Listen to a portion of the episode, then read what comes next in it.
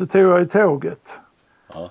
Och så kom jag fram med Glenn hämta mig. Jag skulle gå upp där och hålla föredrag. Och, eh, och så plötsligt så tänkte jag fan jag måste ringa. Och så känner jag i fickorna när jag är hemma hos Glenn. Fan! Jag har inte mobilen och där har jag alla jävla kreditkort och sånt också. Ja. Du vet ju, då- innan ett föredrag då blir man rätt svettig. All energi gick ju dit. Ja. Och Och eh, jag gick ner i bilen och kollade, fanns inte han ringde, signalerna gick fram. Va? Och då får man det, åh, det har aldrig hänt mig förut, så jag får ju spärra alla jävla korten ju. Ja. Ringa spärra och hålla på med sånt skit. Men eh, sen ringde vi där till, till flygtåget, de hade fan mig hittat den, va? Sån jävla tur. du tappade den där, där då? Jag hade köpt nya byxor, du vet, skulle, skulle vara fin. Jag har alltid je- jeans och, och det- där, där gled, den gled ju ur de här jävla byxorna. Det var ju små fickor. Jag vet sådana där moderna jävla eh, byxor. Ja. Att, eh, min fru lurar på mig. De ska jag aldrig, de ska jag aldrig använda mer. Vill du också ha mobilen i i liksom framfickan och så? Ja, jag har ju alltid min Ja. framficka. Ja, det har- Aldrig- Den har ju aldrig glidit ur. Nej, nej, men det är samma här. Jag, det, det är samma. Jag måste ha byxor som... eh, Ja, och så har min fru alltid sagt du ska ju inte ha korten tillsammans med telefonen. Och, ja, hon fick ju rätt där. Hon är klok. Det är jobbigt. Det är jobbigt. Nej, men jag fick ta tåget tillbaka till Gardermoen så, och hämta den och sen är det igen. Men det gjorde jag gärna. Men eh, korten då, då kan man, hur funkar det? Kan man... Nej, jag, de är ju spärrade så jag vet fan hur jag måste göra någonting när jag kommer hem. Ska jag skicka över lite pengar, förskott på podd? Ja, det får du göra. Ja, ett jag, kuvert? jag, lä- jag lånar av Glenns fru tusen kronor han tjatar var dag han ska tillbaka pengarna. Ja, det kommer hon att få det då? Ja, hon kommer inte få tillbaka dem. Ja. Men vad jag skulle säga, eh, jag säger rätt kul, jag har liksom dubbeljobbat här. Jag har ju dels varit då mentorcoach till tränarna och sen har jag då fått vara sån här pressansvarig för uh, Salvan. För svensk press ringer ju hela tiden efter honom ju. Hans, hans skador och sådär. Så jag säger på honom, vad fan, jag dubbeljobbar för din skull. Ja. Så hör det av sig till dig eh, då ja. ja. Ja, då ringer ju svensk press till mig. Så jag får göra terminer och sånt för, för honom. Du, vad, du har... Ja, du, du, det är så många stolar på dig nu också. Det är du och Axner och Daniel Wander och Uffe Ja, ja. Nyström. Ja, ja, ja. ja, ja. Så att, eh, nej, pressansvarig det har jag aldrig varit för. Så, att, eh, så ska du ha intervju så får du ringa mig nu. Nu är du alltså på båda sidor i det här media. Så du sitter här liksom som, som eh, fullfjädrad journalist och sen så sköter Ja, du. ja, ja. Du, ehm, ska vi köra igång? ja vi försöker väl det. Ja.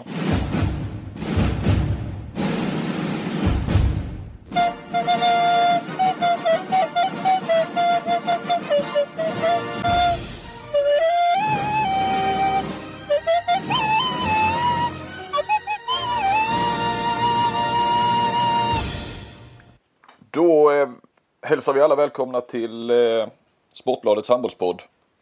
Och den här gången så eh, är ju tanken att släppa Kentarin i nästan full frihet. Är det så Kentari? Vi har ingen gäst. Jag bara undrar vad det innebär. Det kan ju, vad som helst kan hända alltså. Vad som helst kan hända. Nej men du, ja, du ska väl göra eh, skäl för lönen? Du också någon gång i den här podden.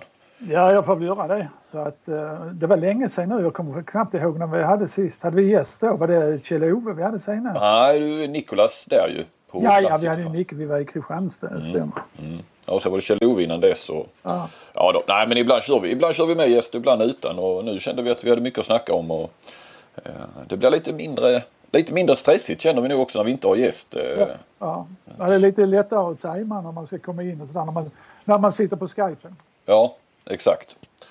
Ehm, ska vi innan bara vi, vi drar igång så eh, själva snacket här så ska vi väl eh, nämna vår eh, sponsor. Vår eh, storsponsor iPlay. Ja. Den här sportcommunityn som snart eh, kommer att finnas på, på nätet. Eh, fick höra igår att både Bella Guldén och Ola Lindgren nu är tydligen hoppat på det tåget. Så får vi se vad den här handbollscommunityn, vad, det, vad det blir av det. Ja, på tal om många jobb, det, det där platsar väl även Ola Lindgren. Ja, Ja. det, det, det är många stolar på honom också. ja, det är väldigt många stolar. Ja. Eh, nej men det är tack vare sponsorn som, eh, som vi kan ha med dig ju. Är det inte så? Du jobbar ju inte gratis. Nej, det är klart. Jag, jag vet att jag är kanske lite väl... Det, det var en förhandlingssak. ja, en annan jobbar ju gratis ju. Du ska ju bjuda mig på Ystad Saltsjöbaden. Ja, vi får väl ta det när jag kommer hem. Men jag är ju ute och reser hela tiden så det är inte så lätt att tajma in det. Nej. Eh, mig och min sambo, eller sagt så, både du och min sambo var väl hon sa ja, jag kan lika gärna... Det var framförallt vi två som skulle åka dit. Ja, var ni två skulle, ja. Skulle du, skulle du också med? Ja, exakt. Nej då, men hon... Eh, hon, hon, hon blev ju glatt hon, överraskad när hon fick se en bild av dig. Jag vet inte om du kommer ihåg det när vi drog igång på den. När hon hörde ditt namn så, så såg hon ju typ Lars-Gunnar Björklund framför sig. Jag vet inte om du hade med namnet Kent-Harry och Lars-Gunnar och sådär att det låter. Ja, jag kommer ihåg det berättade. Hon såg inte den här bilden som eh, du har lyckats publicera på din blogg. Ja, hon har inte fått se den va. Men du, då eh, på den tiden, då hade det varit många som hade velat åka till Ystad Saltsjöbaden med dig va? Du, man kan säga att det var inte mycket fettprocent på den kroppen. ja, du måste berätta om det här. Va, va, det var du och Jan Peter på Kvällsposten. Ja, vi hade ju aldrig träffats för jag och Jan Peter. Vi hade en gemensam bekant. Jag gick på lärarhögskolan tillsammans med honom och, och, ehm, och han heter Sigge förresten. Och Sigge kände då Jan Peter och så var Jan Peter på, det var på Mallorca. Ja. Och där träffade jag Jan Peter för första gången. Det var Mallorca och inte Malaga? Nej, eller? nej det var Mallorca. Ja. Och jag blev ju helt chockad när jag såg den här bilden måste jag säga. Ja det ska jag säga, den ligger ju på, vi kan ju inte visa den i en podd men den ligger ju på bloggen. Ja. Och, och, och, det var väl Glenn Göransson, Bolltroll, som hade twittrat ut den till att börja med. Eh, från 73 ja. Och jag som inte vill vara med på Twitter så ändå så hamnar jag där på något sätt. ja men så är det när man är i, i, i branschen liksom. Ja men du John Peter ser lite bakfull ut på den här bilden. Ja.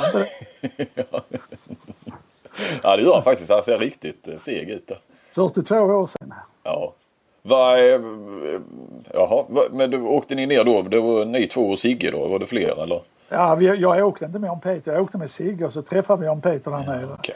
Vet, så hade vi lite hålligång där en vecka kan jag tänka mig. 73, var var du i livet och karriären då? Ja, jag gick ju på lärarhögskolan då och hade ja. 73 hade jag precis, jag har spelat i IFK Malmö då, vi har blivit eh, två eller tre i, i serien då. Och eh, hade bestämt mig för att, att, gå tillbaka till Ystad så att det var där emellan kan man säga. Ja, Okej. Okay. Då hade du inte träffat Mette då? Nej, nej, nej, nej, nej. Och då hade jag inte vågat äh, åka till Mallorca. då hade hon tagit mig i örat. Framför, framförallt inte vara tillsammans med Jan Peter där nere. Alltså nej, det går inte nej. Då. Nej, nej, nej. nej, han var livsfarlig på den här tiden kan jag komma ihåg. på den tiden? Jag vet inte. Men han hade inte heller träffat sin eh, nuvarande fru. Nej, nej, det ska tilläggas kanske. Det ska tilläggas definitivt. Ja. Du, eh, du är i Norge va? Jag är i Norge, halvligger här i, i sängen på hotellrummet. Ja, och eh, i, i, vad, du, det nämnde du ju här innan vi drog igång. Eh, Holmenkollen är du, eller vad heter ja, det? Ja, alltså vi bor ända uppe sidan om backen, Holmenkollensbacken alltså, på ett fint hotell, Scandic Hotel. Ja. Med otroligt fin utsikt och Alltså här var jag nog aldrig bott eh, tidigare med Norge i alla fall. Nej. Va, så att, eh, och fin mat och bra gym nere i källaren. Eh. Så jag har faktiskt tränat varje dag sedan jag kom hit. Man får ett par timmar där på eftermiddagen. När de andra ligger och sover så går jag ner och tränar. Kör, hålla nere fettprocenten? Ja, men det, det är svårare på den tiden. Ja, det Du, eh, ska du upp och hoppa i backen då? Någonting, eller? Nej, men jag ska nog ta mig en tur. Jag vet, jag, när jag var i Drammen så var vi där uppe med familjen en gång. Vi åkte hiss upp och jag kommer ihåg den här känslan när man stod där högst upp och det här är ändå bara en eh, mellanbacke. Jag tänker, ja. tänker man de där riktigt eh, stora backarna ser ut, alltså man får en sån här otäck känsla i kroppen när man står där uppe. Ja, fy fan. Eh, ska hoppa. Jag pratade lite med han som är fysio, han jobbar på Olympiatoppen. Han berättar om de här eh, backhopparna. Alltså, de väger inte mer än 60 kilo, de är ja. väldigt lätta.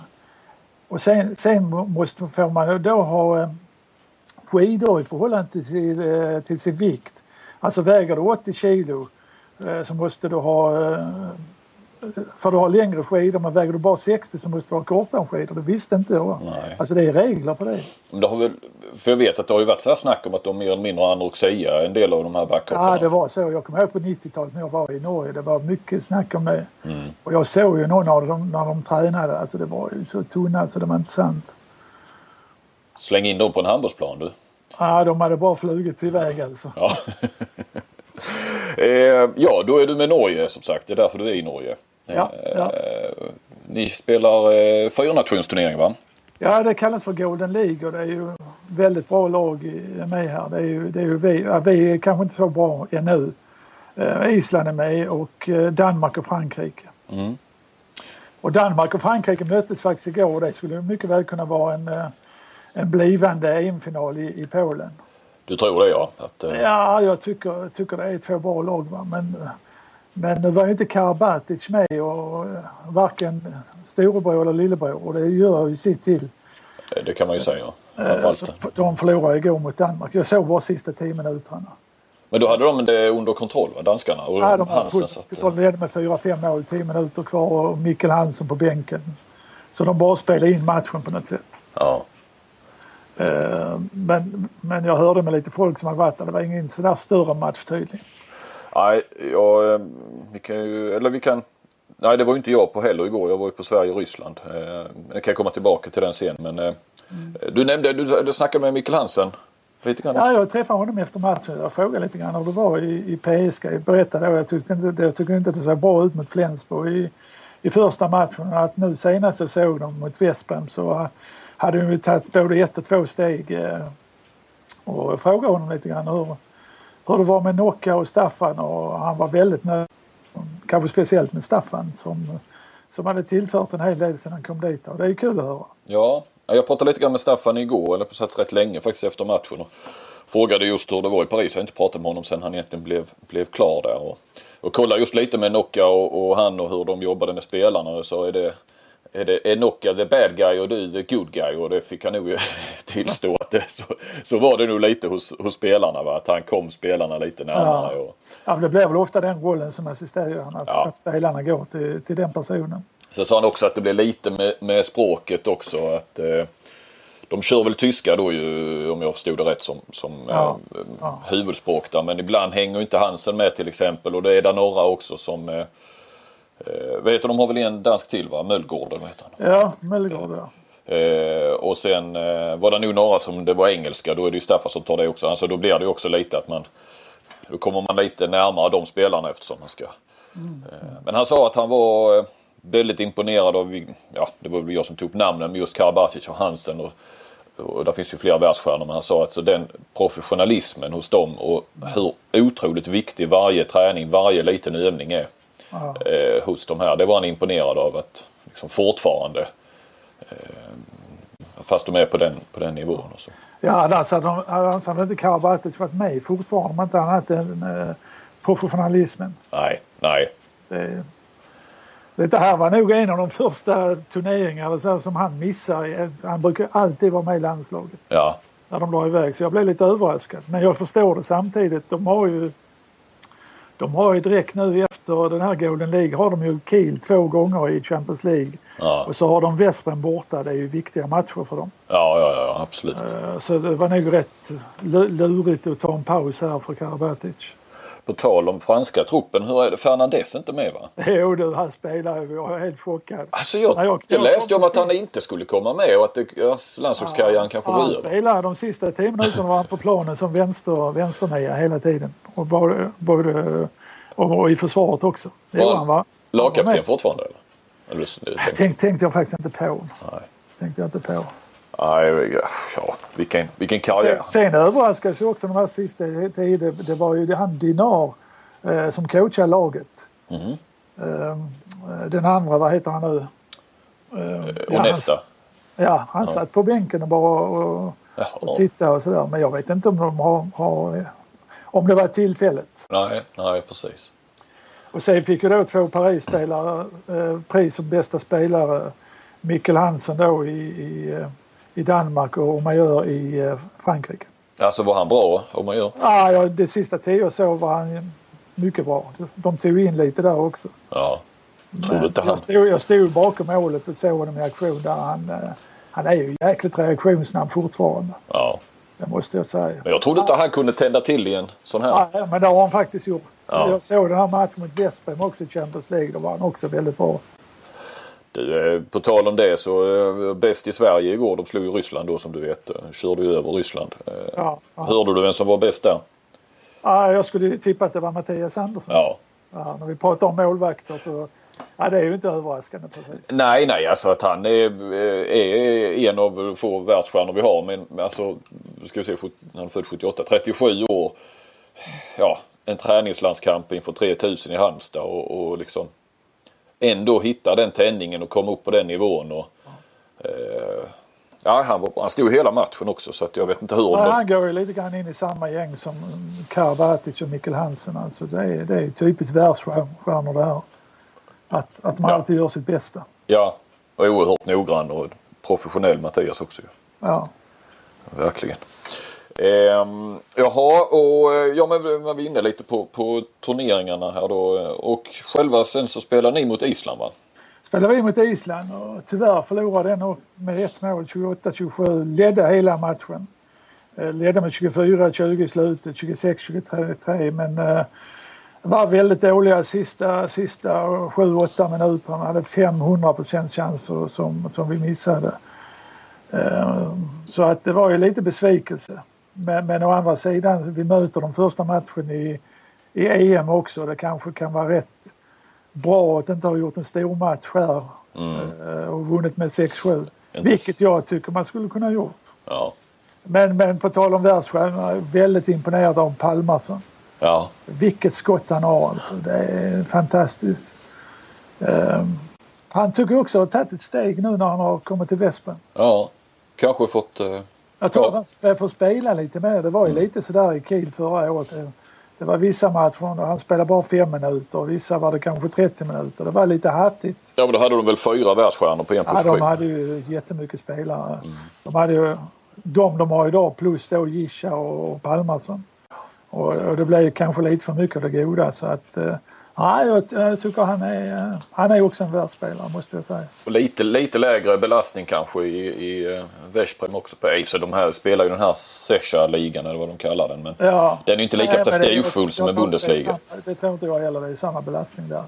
De, de koncentrerar sig på Champions League och, och, och under serien kan de i stort sett jogga hem. Ja. Eh, hans lagkompis, eh, klubbkompis fick ju hjärnskakning efter ja, 20-25 sekunder ja, igår. Jag, jag läste det. Och det var sjätte gången. Det, det låter ju inte bra. Nej, 25 år haft sex hjärnskakningar. Eh. Ja, jag kanske får honom som granne alldeles för tidigt. Han, ja. har, ju, han har ju köpt tomt i Beddingestrand. Ja, så har han det? Ja, han har gjort det. Va? Jag hörde. Bara tomt, inget så ska han bygga någonting där? Ja, så ska han bygga där. Va? Men jag hoppas att det dröjer många år nu så kan vi ju Sen kan vi ju åka ut och fiska där. Ja. Köpa, köpa en liten båt och sitta och mejta. St stycket och du? Ja, stycket. Ja. Han har inte köpt nu så att du, eh, du så han smäller upp någonting mellan uh, havet och, och ditt eller Ja, så. det är ju risken att det blir en två trevånings. ja, så ser du ingenting. Du ser bara stycket. Ja. Eh, nej, med sex hjärnskakningar. Nu har jag pratat mycket med läkaren om det där nu ska det väl tilläggas, eh, landslagsläkaren Daniel Gerhag där. Han, alltså, han, han är ju inte expert på hjärnskakningar så sett. För vi snackade om huruvida om eh, man blir mer känslig för hjärnan. Alltså nu är jag lite ute på hal Han sa först att det tror jag inte. Det är bara att återhämtningen kan ta längre och längre tid. Alltså att, jag undrade om du får en hjärnskakning eller haft några hjärnskakningar. Är det lättare att få hjärnskakningar då? Det, han visste inte riktigt det så ska ja, vi inte säga. Men, och så frågade jag då men så, hur många krävs det för att man ska få rådet att, att lägga av? Och då då drog han ju till med 6-7 hjärnskakningar till. Sen så jag, jag skrev om det där. Det var ju någon på Twitter som reagerade och menade att det redan borde vara fara och färdig med sex hjärnskakningar. Ja. Ja, jag tänker också på boxare så får, får vänta ett par månader väl. Ja, visst. Innan de får boxas igen. Ja. Men det är klart, du, där bygger du på att du får slag på huvudet hela tiden ju. Ja, ja, på ett annat sätt. Jag menar du, men visst han kan ju få en ny uh, när som helst egentligen när han sätter igång ja, igen. Så att, jag vet inte om du, jag nämnde ju det på bloggen, men hans mamma hade ju varit, varit där och så har läkarna pratat just lite om hans historia om hjärnskakningar. Att han hade ju fått en, en av hjärnskakningarna hade fått när han fått en flaggstång i huvudet när han spelade. Flaxton? Ja, tydligen när han spelade. Alltså det måste ju varit som han hade hängt i hallen då på något vis. Ja. Men han visste inte när och var, alltså om det var i ungdomsåren eller det var i Veszprem. Men det ja. förtäljer inte historien. Men det, det, det låter ju riktigt hemskt. Ja, men eh, ja, nej så att, eh, nej det var, samtidigt jag såg ju en i tisdags, Oskar Lewicki i Malmö. Eh, där, den såg ju den såg ju mer otäck ut eftersom han var ja. helt eh, väck där. Stycket eh, gick ju av planen så att jag för bara tänkte att den är ju en lindrig hjärnskakning. Men han kallade den rejäl eh, läkaren efteråt. Ja, ja. Eh, nej det var, ja du kunde ju såklart inte se Sverige-Ryssland då nej. Nej men jag blev lite överraskad av resultatet att de vann så pass stort. Ja men det ju. Jag, med det laget de hade. Absolut, det, det var ju bra men det är ju alldeles... Jag tänkte, jag gjorde ju någon grej inför det med vänsterniorna och kampen om den och tänkte den kan man ju utvärdera efteråt men det är ju, det är ju helt omöjligt. Alltså ryssarna, vi känner, man känner igen några namn men jag ser ju inte dem och det är svårt att säga hur bra var de igår och hur... Jag menar det är en Alltså det var ju avgjort i paus och då känns ju andra halvlek inte värt någonting som värdemätare på något vis. Nej, nej. Eh, du kan ju se några individuella prestationer. Anton Hallén, eh, det var ju hans första landskamp. Har stått rätt sen han blev hemskickad från VM där. Det blev ju lite konstigt att han, han fick ju bara det var ju när Kim fick en skada så kallade de ner Zachrisson och var tvungna att slänga ut någon ur truppen och det blev ju Hallén och så jag kommer ihåg jag var ju där och ja, han, nej nu är han på väg till flygplatsen så man fick liksom aldrig, sen har jag inte pratat med honom, han har inte varit med sen dess. Han gjorde en jättefin eh, första halvlek med fem okay. mål där. De, hade, de spelar ju, bytte ju på klockan va, han spelade hela första och så ja. tog Ekberg andra. Men där är det ju bara några sådana individuella. När det gäller vänsterniorna där, Östlund fick gå mycket i, som mittnia också så det var helt Ja, det går inte att säga någonting där vem som... Ja, och hur gick det för Lukas? Det var väl hans eh, debut? Va? Ja det var det. Han kom ju in... Han kom väl inte in från i andra. Han gjorde, han gjorde ett mål efter 49 minuter eller någonting. Eh, bommade en straff. De bommade ju fem straffar där. Rysk, ryska målvakten tog fem. Jag tror Norge bommade tre. Ja. Nej, så eh, men visst det är ju på sätt och vis imponerande men frågan var hur bra var detta Ryssland igår? Va? Det, det är ju nästan... Nej, det, det är ju inte gamla Ryssland, det kan vi vara överens om. Ja, definitivt. Jag, jag träffade ju Torgo Vanov igår på tal om gamla Ryssland. Han ja. är ju förbundskapten nu ju. Ja. Eh, det var lite kul där. Ja, det har jag ju nämnt eh, i, blogg och sådär så att de som lyssnar har väl läst det där kanske. Men jag har ju ett projekt då varför ryska idrotts, hur de har rasat samman i både handboll och, och basket och ja, alltså en del kan man, individuella sporter så i friidrott och skidåkning och sånt handlar det väl om doping mycket. Eh, men det gör det ju inte i handboll och basket och, och de lagsporterna så att det var lite det jag skulle prata med och så. Ja, ja han var ju aktiv eh, eh, ja, väl under hela min karriär i, i Tyskland. Ja precis ju. Så han, han, han, spelade, han spelade i Essen kommer jag ihåg. Essen. Essen. Och så ja. var han i Waller Massenheim. Var Hamburg med i slutet? Hamburg i slutet ja. Och sen var han i en, ett, en klubb som heter Solingen. Ja. Och, och, så var han i eh, Kronau Östringen, det, det, det som heter mm. Rhein idag. Han var där några år också. Minns du någonting med honom då? Du stötte ja, på? han var, alltså de första åren där när man kom dit 96 och, och fyra, fem år då var det ju fortfarande världsklass på honom. Ja. Men eh, eftersom åren gick så, så haltade han ju mer och mer och, och det blev tuffare och tuffare för honom. Han, han hade ju jätteproblem med knäna. Hur, var det, hur var det med hans knä nu förresten? Nej, men, ja, det pratar vi inte om men, men han... Eh, alltså han har ju inte... Hans fettprocent är ju värre än vad din. Det kan man ju lugnt säga. vad, vad menar du med det? Nej men jag menar alltså han hade ju, han uh, höll ju inte sig i trim som, uh, som, som du har gjort menar jag. Nej, nej. Det var en komplimang till dig Kent Ja tack. Mm. Nej men han var ju, uh, nej men jag bara tänkte som du sa också, jag vet inte hur väl han har tagit hand, tog hand om sin kropp när han spelade heller. Alltså knäproblemen kan man väl inte göra så mycket åt. Jo, han kan ju få nya, nya knän och det ja. tänkte jag, det, det måste han ju ha direkt efter karriären. Ja, ja, men det kan vara för så tänkte jag inte på att han gick på något speciellt nej, sätt nej, så. Nej, okay. Men, eh, nej, men jag var, ja, det är klart. Men det kändes kanske inte heller som att han, han var ingen träningsprodukt, jag vet inte. Nej. Men, eh, nej. Jag, så. jag kan inte honom sådär närmare heller utan det är bara man har mött honom i väldigt många matcher. Och, och, och, och han var ju duktig, han var ju en duktig linjespelare under många år. Han var väl det Ja, ja, precis. En av de absolut bästa. Kanske världens bästa. Ja. ja. Under ett par år i alla fall. Alltså nu har han då Voronin har eh, tog väl över i februari det ryska landslaget. Så att, Ja, eh, de hade Kuselov innan där va? ja, det var De, var, de byter rätt så ofta. Ja, när de väl... Det är inte som när Maximov var, var förbundskapten. han satt väl i 20 år va? Ja, minst. Eh, nej, det... Han berättade, för jag frågade lite hur många handbollsspelare det fanns och finns. Och då sa han att under Sovjettiden, då var det ju även som alla vet Ukraina och Vitryssland och, och det här. Då var de en miljon licensierade ungefär. Och idag är de 100 000 i Ryssland. Ja. Eh, så han kopplade mycket det här, ja. De alltså- har inte bredden kvar. heller. de har inte bredden, de har inte pengarna heller. Menar, allting var ju uppbyggt av staten och alla tränare var väl eh, statligt alltså betalda av staten. Och, och när det rasade ihop eh, och, och i och för sig de höll ju sig i, jag menar Sovjetunionen föll ju 91 och eh, de var ju fram till 2004 i OS där eh, så tog de ju brons va. Då var de ju, de var ju, det var ju de och Sverige under hela 90-talet så att de, de höll ju det rätt länge men han menade att till slut så, så slog det igenom det här att, att jag menar det var ju alla tränare välutbildade de fick ju inte sin lön så de fick ju söka sig till andra yrken helt enkelt för att försörja sig. Ja, okej, okej. Och mycket sånt som han... eh, Sen kan man väl diskutera, jag försökte fråga men han kanske var lite fel person. Han var inne i det och kanske inte heller ville kritisera för mycket. Hur, om rysk handboll egentligen har hängt med i den spelutvecklingen så att säga, handbollens utveckling, jag vet inte. Då tränar, tränar han även eh, Sankt Petersburg parallellt. Ja, jag tror det.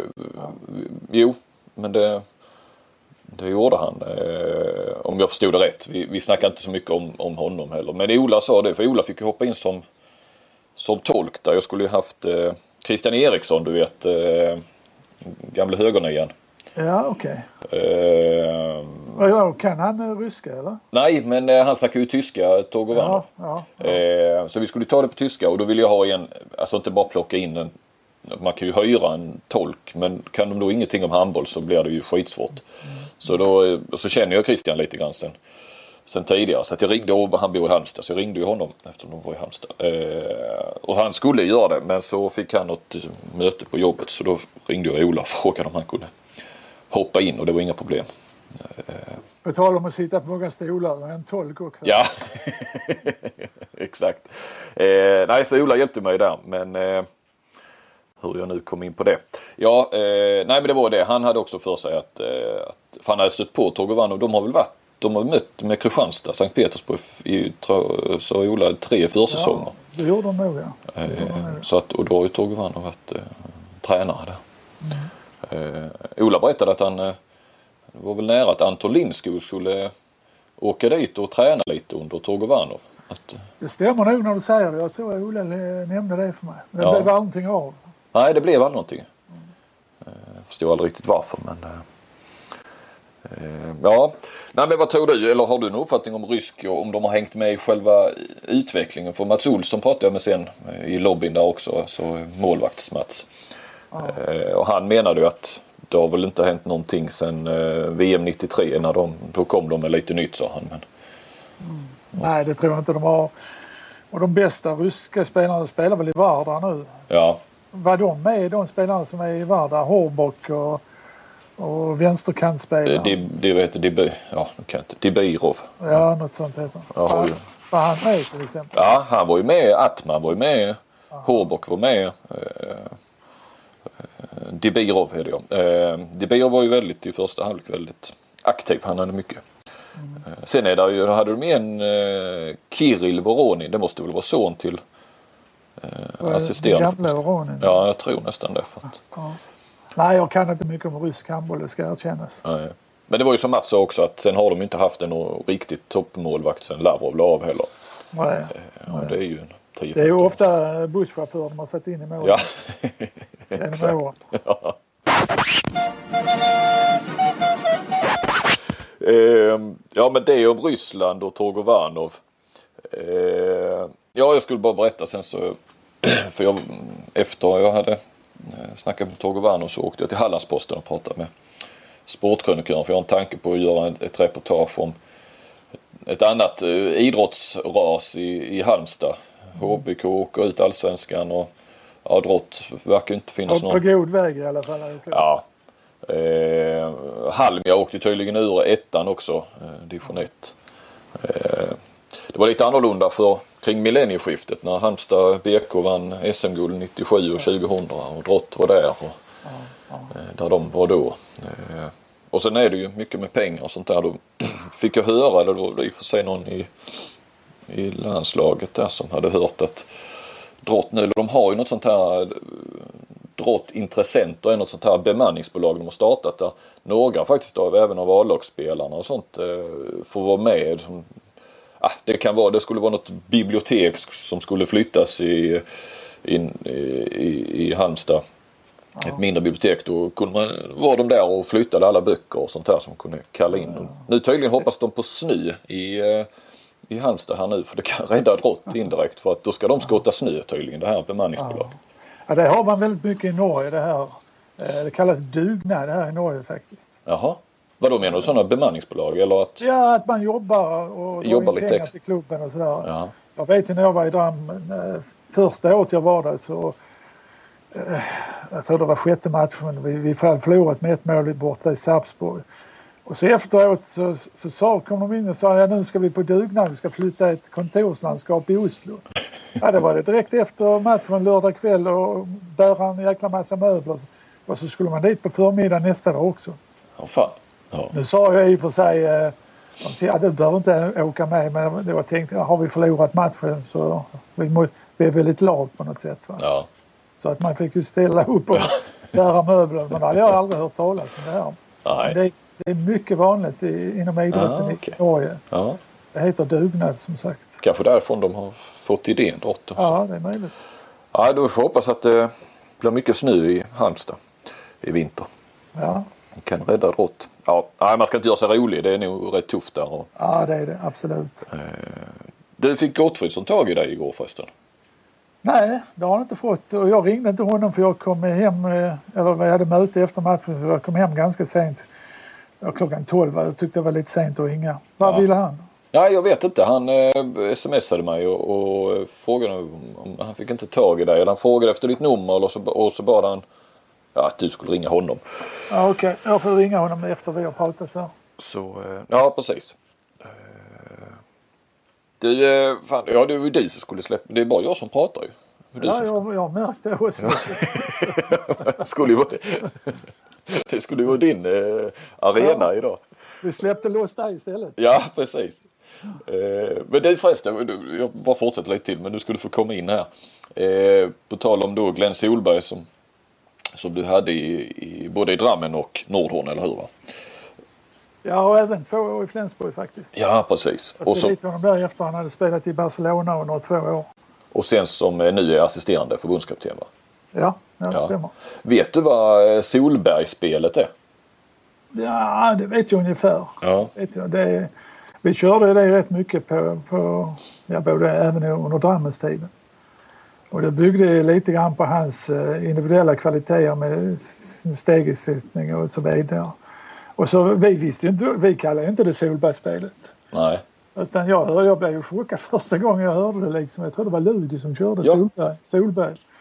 Ja, det var därför, för jag hörde det i en timeout på tv nämligen. Så jag så dubbelkollade Max ner. Alltså var det, var det Lugi som körde då alltså? Ja, det var nu för någon, ett par veckor sedan. Jag kommer inte ihåg. Ja, men det måste varit när de mötte Malmö. Den såg jag ju på tv. Ja. Ehm, alltså dubbelkollade jag bara med, med, med Axnér nu igår därför eftersom jag tänkte på att jag ta upp det i podden. Att, eh, jo, men det var Solberg-spelet. det var precis det, som, det, det var Glenn. man skulle dra isär så, man så får man ju, eh, ja, Solberg fick du ju då eh, väl i ett läge med en ensam trea väl? Eller? Ja, ja, det var något sånt och så blev det växel på det. Mm. Eh, Men det, det kom ju fram spontant på något sätt. Det var inget system som vi hade egentligen utan det gick ju mycket på hans individuella kvaliteter. Ja, ja. ja, jag tänkte nu att du skulle kunna ta credden här för detta eller så. Men var, Ja, jag tycker det var hans eh, individuella färdigheter som får ta credden för det. Ja, ja. Men du, sen eh, berättade Axnér också att de har eh, ett spel som de kallar eh, Nordhorn. Som du körde eh, ja, i Nordhorn. Som var väl väldigt likt det här egentligen. Ja, ja. Ja det vet jag inte däremot. Nej. Vi, vi har inte kallat det Norton.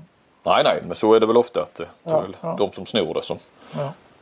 skulle heta ett Kentari. det. Finns det ett Kentari-spel? Ja, vi, hade, vi hade en... eh, Ett system. Eller du döpte dem till Kentari 1, Kentari 2? Nej, det var killarna själv som döpte dem till. Jag var redan i Ystad. Som vi kallar för Harry. Det Jaha, var eh, en jugge, juggestart och sen var det tom inlöp från, från kanten. Ja. Eh, Så, så, och så körde man en rutt, ja, nu fattar ingen någonting. Nej. Körde en rutt där och så kom kanten tomt in.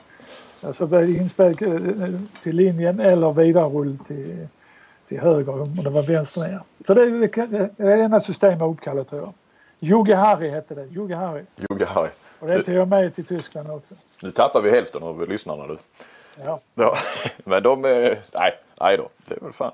Nej, det var svårt att hänga med. Det får jag erkänna. Ja, det är svårt att se det framför sig liksom. Utan, Vi skulle, vi skulle spelat med levande bilder. Här har podden levande bilder istället. ja, ja. Kunde jag ju ritat på ett blädderblock. ja. Rit-Kent hade blivit istället för Rit-Olle.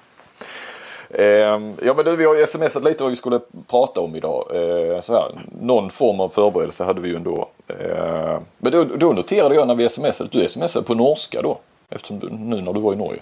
Gjorde jag det? Ja, Ja. men det, det, är, det är nog rätt vanligt man gör. Nu har jag pratat norska en hel vecka snart. Ja men du skrev och med OG då. Och, ja. Ja, men det är mest för att det är, då slipper jag skriva tre bokstäver. Det var två istället. Ja, det är höjden av effektivitet. Eh, Ja men du skrev ju grejt också istället för bra. Men du så skrev du ju bra inom parentes för sig. Ja, jag tänkte det, det fattar nog inte för vad det betyder. Det ska vi snacka lite om eh, elitserien. Ja, det kan vi väl göra. Mm. Hur många matcher har de spelat nu? Det är, de är väl uppe i... eh, 9-10 är de väl uppe i. Det, är- det, är det är ju lite spridda. Ja, Eh, just det. Någon har spelat 8, någon 9 och någon 10. superdatorn har varit i farten. Ja. Ja. Nej, jag tänkte vi kan bara nämna lite grann hur det, ja. vad vi tycker hittills. Jag ska bara ner ett par, ett par sådana här eh, nyckelord på varje lag. Mm. Vi kan väl börja uppifrån den här gången. Vi brukar alltid börja nerifrån. ja, men det är ju inga hemligheter. Vi vet ju vilka som leder. Så man behöver inte bygga upp den dramatik Nej, kring det. nej, Utan nej. det går bra att köra uppifrån. Ja. Alltså Kristianstad har ju, har ju nio matcher och 18 poäng. Och jag får nog säga att de är lite mer outstanding än vad jag hade väntat mig. Mm. Jag trodde nog de skulle springa på någon mina eh, med tanke på att de har ett tufft Champions League-program. Ja. Eh, typ mot Ystad borta eller, eller nu mot Guif. Ja, Guif när, borta. när de saknar tre 9 meter spelare men de, de, de bara tuffar på. Och eh, som sagt, de är mer outstanding än vad jag hade väntat mig. Kan de gå igenom obesegrade? Nej, det, det, Nej, det gör man aldrig. Det Nej. tror jag inte. nej. Jag vet inte de har det som mål ens. Nej, det, tror, det skulle du aldrig få. Du skulle aldrig få Ola Lindgren att säga det. Han tjatar Nej. väl snarare om att de kommer att förlora någon match. Ja. att, eh, Nej, jag trodde det var dags. Eh, Guif skulle vinna den matchen. ja, utan Jamali, eh, Lagergren och O'Sullivan. Sullivan ja, Det är ju hyfsade. De har ju varit Ja, hyfsade ja, på, tal, på tal om Sullivan så, så är jag lite presschef för honom här. Eh, men är han med där nu? Alltså, Ja, han är med och kör rehab. Mm. Eh, Han, han cyklar då. Jag cyklar ju varje dag. Då sitter han sidan om och cyklar också på, på spinningcykel. Eh, Lite lugnare tempo än mig men eh, Pratar du norska då liksom? Eller hur? ja, det är flytande norsk. Ja. ja, du hade, hur många år var du där på 90-talet? Ja, fyra år bara. Fyra år Ja, bara. ja. Nej, men det blev ju efterhand. eh, Vissa ord körde man och det var ju en blandning mellan skånska och norska kan man säga. Mm. ja, det vara en fröjd för örat. Ja. Ja, Där ska vi gå vidare. ja det ska vi absolut. Eh, sen har vi på andra plats Sävehof med, med nio matcher, 16 poäng och bara förlorat mot, eh, mot Alingsås. Mm. Eh, och, också för mig en stor överraskning måste jag säga. Eh, med tanke på fjolårssäsongen så har man gjort det väldigt bra i år. Absolut. tycker inte man har sådär märkvärdigt lag men, men man har tagit de här poängen. Jag tror också att man har gjort bra värvningar va? I, Ja, i, ja, alltså, definitivt. Både på och utanför plan tror jag att de har liksom, kanske gjort det här gänget lite till, till ett Ja, och man hade ju råd att släppa sin målvakt också till Ballingen. Och, Ja. ja men Sandström, vi ska ju nämna då Sandström, Ingolfsson och Fagerlund är det väl som är de tunga ja, värvningarna. ja. ja, det har tydligen, de har gjort det bra, det måste jag säga. Mm. Eh, Tredje plats vi Alingsås, 9 poäng, fem, nio matcher, 15 poäng. Mm. Eh, helt chanslösa mot Kristianstad tyckte jag. Ja. Eh, men, men annars okej. Eh, Lug i fjärde plats, 10 matcher har de spelat, 15 Mm. poäng. Eh, där ställer jag mig frågan lite grann, är de fågel eller fisk? Mm. Jag, jag tror att det var en väldigt viktig seger den här nu i veckan mot Hammarby. Hammarby borta och spräckte deras Ja, svit där ja. hemmaplan. Och, och var framförallt eh, har gjort mig lite besviken hittills under säsongen det är Simon Jeppsson som är en sån här jättetalang. Ja. Mm. Tycker inte han har varit bra de matcherna jag har sett. Men Nu var gjorde, nu var gjorde han ju 11 på 12 försök. Så, Ja. och, och det kan nog vara nyckeln till vidare framgång att man får, att man får igång honom. Jag tycker fortfarande att han är intressant också alltså i landslaget i framtiden. Alltså, Ja. Ja det är inte, ja, han är inte där Lukas Nilsson men, men där, där, det är ju något jävla råämne i det, i det där. Ja, så. det är ju inte många som har det skottet som han har. Nej. Men han ska bli lite mer eh, spelare på något sätt. Jag Mm. vet inte. Han är, ser lite, lite eh, fyrkantig ut fortfarande. Mm, mm. Eh, Men en talang är han, det är inget snack. Eh, Och viktigt att få igång för Lugi. Absolut. Nej, det, blir lite, nej, det ska bli intressant att se var Lugi...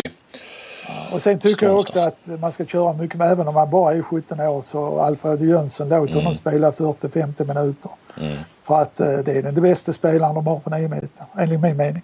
Du tycker det ja? Ja, jag tycker det. Och jag, jag tror ju mer förtroende man ger honom desto bättre blir han också. Ja. Men det är klart, han är bara 17 år. Man kanske, kanske ska gå lite varsamt fram. Men jag hade inte gjort det. Jag hade liksom Ystad kört Lukas 60 minuter så hade jag kört honom i alla fall en 45 minuter. Mm, mm. Ja, ja. Eh, Eh, så har vi femte plats Ystad. Åtta matcher har de spelat bara 12 poäng. Egentligen har de då 16 poäng. Eh, kanske. ja, ja, ja. Nej, men jag måste säga att jag, eh, de har inte eh, övertygat ännu på mig Nej. till 100 till 100 procent. Det är mycket mer att ta det laget. Eh, Och jag tror fortfarande framåt när det är där ska spela final så är Ystad på ena, Mm. ena sidan. Men, men vad, vad det där att du bara förutsatte att de två de inte har spelat, det är två segrar där. Det får jag poäng till ja. Ja, ja. ja. De är, de är egentligen två. De är lite tvåa, ja, inte femma. Eh, jag tänkte på det här med Lukas och Kim som alla pratade om då. och Som, som, kan det bli ett problem i laget också? Alltså, nu menar jag inte att det är några, eh, på inget vis några divor som tar plats. Men att det läggs över ansvar på dem eh, väldigt, väldigt mycket från andra. Att andra kanske tar ett steg tillbaka. Ja, men du såg en match här nu hade han gjort 15 mål. Eh, Bo- Borgstedt. Borgstedt ja. Ja. Då hade han väl, man hade varit lite punktmarkerad. Det var mot rött var det inte det? Jo det var nog. Eh, Men alltså jag, jag hade ju spelat med, med Lukas, Kim och så hade jag kört, han är Emil Hansson som mittnia. Ja, var, var, var tar han? Nu har, vi vet att han hade pro, skadeproblem i början på säsongen. Ja, Eh, för han, han, får man in honom också, och det tror jag man kommer få till, eh, till slutspelet, så, så har man en uh, jäkligt bra uppställning på 9 meter. Men är han, hur mycket är han med nu? Jag har inte koll Ja, på. Jag såg eh, någon match, jag, jag har inte sett Ystad mer än en gång i år. Nej. Eh, De, han hade gjort fyra mål, var det mot Guif? Han kom in och gjorde fyra Okej. mål i andra halvlek. Mm. Eh, Men det är ju en bra försvarsspelare, eller kan bli en bra försvarsspelare. Och han är stor framåt. Jag hade satsat på honom till... Och där handlar det ju också om att ge förtroende. Mm. Eh, Jag hade gett honom förtroendet. Ja, alltså för vi ska ju inte glömma att, att vad ska, ja, tiden går snabbt. Är det ett och ett halvt år sedan sånt, så var ju han nästan lika stor. Alltså det var ju han och Lukas. Ja, Och, och jag menar han är ju, båda är ju fått, de är inte gamla så att. jag tror han är ett år yngre än Lukas. Ja, det ska ju också tilläggas. Men, men sen så har ju det exploderat för Lukas medan eh, Emil har ju fått nästan mindre och mindre speltid. Då kanske lite i kombination med skador. Det ska Ja, man ju. ja. Men jag, jag tror fortfarande på honom. Han är inte så gammal och, och han har storleken. Och Ja. jag tycker man ska köra honom som mittnia. Mm. Ja, jag håller med Ja. dig. Han är frisk så. Ja. Mycket, mycket råd nu till tränarna. ja. men du är ju mentor för tränare så att det, de sitter ju som på nålar här nu och lyssnar. Ja, så har vi sjätte plats. Det ska bli intressant att se vad du ska göra med Drott. Men, men det återkommer vi till. Vad du kan. Ja, det är... eh, I, i, vad heter det? Eh, Uppdrag är omöjligt. Ja, hopplöst. Eh, Hammarby ja. Hammarby 10 matcher, 11 poäng. Mm. Har väl gjort okej kan man säga. Varken... Eh, de har inte blivit bättre och inte sämre om man jämför med förra säsongen. Nej. Eh, Malmö 7 8 matcher, 10 poäng. Eh, jag tror Malmö är väldigt beroende av att man har en inspirerad Beutler i målet som han var mot Lugi. Mm. Då var han bra. ja, då var han väldigt bra. Och än så länge, nu är det Adam Blund som ska komma tillbaka. Han Ja, är väl på god väg Men handlar det om lön nu. Får man med lön och kan hålla Beutler inspirerad under hela säsongen. Så det är klart. Och, en, och de här andra är friska också för det är ju frågan de här gamla. Hur, Ja, ja. de är ju trots allt även om de kanske, även om det är mycket Adam Lönn, Linus Persson och Beutler. Så är de ju ändå viktiga för stabiliteten. Alltså de här eh, Petsikossa och, och, och Carl-Johan Andersson och, och Stian Tönnesen och Lindahl. Och, de, de är ju ändå, de, spel, de gör ju många minuter menar jag. Ja, ja, absolut. Robert Månsson har ju varit jättebra men han tillhör inte den, eh, de äldre då. Men, det är ju frågan om sett över, nu har de ju hållit så här långt ju men det är ju det är mycket kvar på säsongen. Eh, tror jag också är en nyckel för Malmö att, att, eh, att de får vara tämligen skadefria nu. Ja. Och då, då Men, de, de kommer inte ligga där i en grupp tillsammans med Hammarby, Redbergslid och Guif och, och slåss om, ja, om de här, den här slutspelsplatsen. Det, det är ett av de här lagen som får lämna slutspelet. ja det är det men jag, alltså får Malmö, kommer Adam Lönn in och de får vara hyfsat skadefria och Beutler fortsätter eller hå- hålls inspirerad. Då tror jag att de är de bästa av dem. Då, det, då Ja. kan de utmana kanske Lugi där om en eh, femteplats eller sånt tror jag. Ja, det är möjligt. Det är möjligt. Ja, ja, ja. Nej, det, eller så har jag bara den här Lugi-matchen på jag, att jag placerar dem som nia innan serien började. Ja, Och det kan de fortfarande hamna på. ja, det jag. kan de definitivt. Men eh, som sagt, jag kanske har Lugi-matchen på näthinnan med en storspelande Beutler Ja. och Månsson Då- då och han, utan eh, Adam Lönn. 50 procent i den, den matchen och det kommer han inte till att ha i alla matcher. Nej. Men om du nu, de har ju också åtta matcher eh, så du kanske ska slänga på fyra poäng på dem och då är de ju, Nej, det, det gör jag då, inte. är, då är de femma. Men det gör det inte nej. nej. De kan, de kan få en poäng till så har de elva. Så. Ja men då är de ju där uppe på sex, sjätte plats ja. RIK ligger åtta nu ja med nio. Ja, nio Ja, poäng. Ja, de har väl som Hammarby gjort okej också. Mm, som väntat ungefär. Ja, som väntat. Har en del eh, unga intressanta spelare. Ja, ja det har de absolut. Eh, Men det blir svårt att, komma längre än till en eh, kvartsfinal, det tror jag. Ja, ja nej det är ju där det brukar ta stopp. för Ja, dem. ja. ja och så har vi då Guif, nio, nio matcher, nio poäng. Åtta poäng va? Har de bara åtta poäng? Ja. Ja, okej. Eh, man kan väl säga så här, det blir svårt att vinna serien. Ja, det, alltså det här, det är inte, alltså de är lite lägre än vad många trodde kanske. Men annars är det väl bara de själva ju, som de, får. De tippar sig själva att vinna serien. Ja. Då, då hoppar jag till. Ja, Eh, och jag hoppar också till när Drott trodde att de skulle bli sexa. ja. Så att, eh, men de kommer inte klara sig till slutspel i alla fall. Jo men det kommer inte vara mycket mer. De kommer inte tillhöra det här gänget eh, bakom Kristianstad som de hade gjort för de Nej, senaste. Alltså det är ju fem i topp de vi pratar om. Jag tror de kommer att ligga kvar. Den är lite uppdelad elitserien i dagsläget. Ja men jag tror jag nämnde det eller gick igenom det här i veckan tidigare att eh, jag hittar inte en enda riktig skräll. Det brukar vi alltid ha Ja, ja. en rad så här långt in på säsongen. ja det skulle vara ett Guif till spela oavgjort i Ystad. Ja, ja, ja men Ja, det, finns, det var för mig en skräll. ja och Hammarby fick Kanske oavgjort. inte för någon annan. Hammar- Hammarby fick oavgjort mot eh, Alingsås eh, hemma då i och för sig och där är de ju starka Hammarby. Ja men det finns någon sån här, några enstaka oavgjorda resultat kanske. Men Men, rätt överraskande också att Lugi vinner eh, mot Hammarby i Stockholm. Är det inte det? jo, Med tanke på den... Eh, eh, de hade väl inte förlorat där sedan nästan ett år tillbaka? nej sen i december ja. Eh, Nej, ja, men samtidigt så bara tittar du på match eller sådär att det är ju ingen jätteskräll att Lugi, jag menar de, de Nej, ligger ju nej. fyra. Det, ska De ju, ska vara, de ska vara topp fyra. De ja, ska, de ska ju vara högre än, än Hammarby i serien. Så att, ja, eh, absolut. Men eh, ja, jaha sen har du Karlskrona sen ja. Ja, de börjar ju väldigt bra och var med i många matcher mot topplagen till och med. Till Mm. Förlorade med ett mål mot Kristianstad bland annat. Men eh, de senaste matcherna har inte varit så bra. Du, Varför de så? har eh, väl sex, sex raka förluster nu. Ja. Ja, ja. Har de mött tuffa, de har i och för sig, de har mött Kristianstad borta, Lugi hemma, Ystad borta, Alingsås borta, Malmö hemma, Hammarby hemma. Eh, ja, alla är ju inte stenhårda men det är ju inga... nej, nej, det är, de kommer, men de kommer ju också till slåss om de här platserna, kvalplatser. Eh, det är ju bara ett lag som får kan undvika dem. ja, Så att, eh, och just nu ligger de ju på, på rätt sida strecket. ja. Men där tror jag nog att eh, jag tror nog Rick och, och kan komma förbi där. Mm. Ja, de- bes, besvikelse hittills definitivt men Ja. de ser bättre och bättre ut spelmässigt tycker jag. Men visst är det en besvikelse, absolut. Ja. Bokvist som många har pratat och vi också om som en eh, liksom framtida stortränare. Det, Ja, det kan han fortfarande bli definitivt. Och, Men vi har inte sett någon Bokvist-effekt ännu. Inte Nej, någon positiv men- i alla fall. men jag tycker att de spelar bättre och bättre. Tycker jag nog. Ja, ja, han är ju ny och rätt mycket nya spelare så det tar Du måste, du, måste ge, du måste ju ge tränarna lite tid i alla fall Johan. Innan du sågar dem. Ja, nu, nu. Ena sidan är det massa pekpinnar till tränarna men när det väl kommer att de sitter lite sådär då, då eh, står du bakom. Nej, din- det är inte din- är lite s- s- småro där i, i Ja, ja. Tips från coachen. Mm. Ja. Ehm, Aranäs. och nu Aranäs. Jag tycker de fightas härligt i varje match. Och, Mm. eh, ehm, de kan ju mycket väl också klara sig från kvar. De kommer definitivt inte åka ur, det tror jag inte. Nej, de kommer att fightas. Som eh, jag och många andra trodde eh, från början. Mm.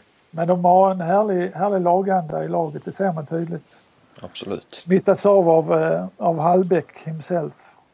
Eh, ja, precis. De är väl det laget där nere som man ändå inte kan säga, även om de bara tar två poäng så är de inte en besvikelse så här långt. Nej, det tycker jag inte. Nästan eh, bättre. Och, och göra en bra match tydligen mot Lugi borta också. Förlora bara med ett. Det är starkt. Det är starkt.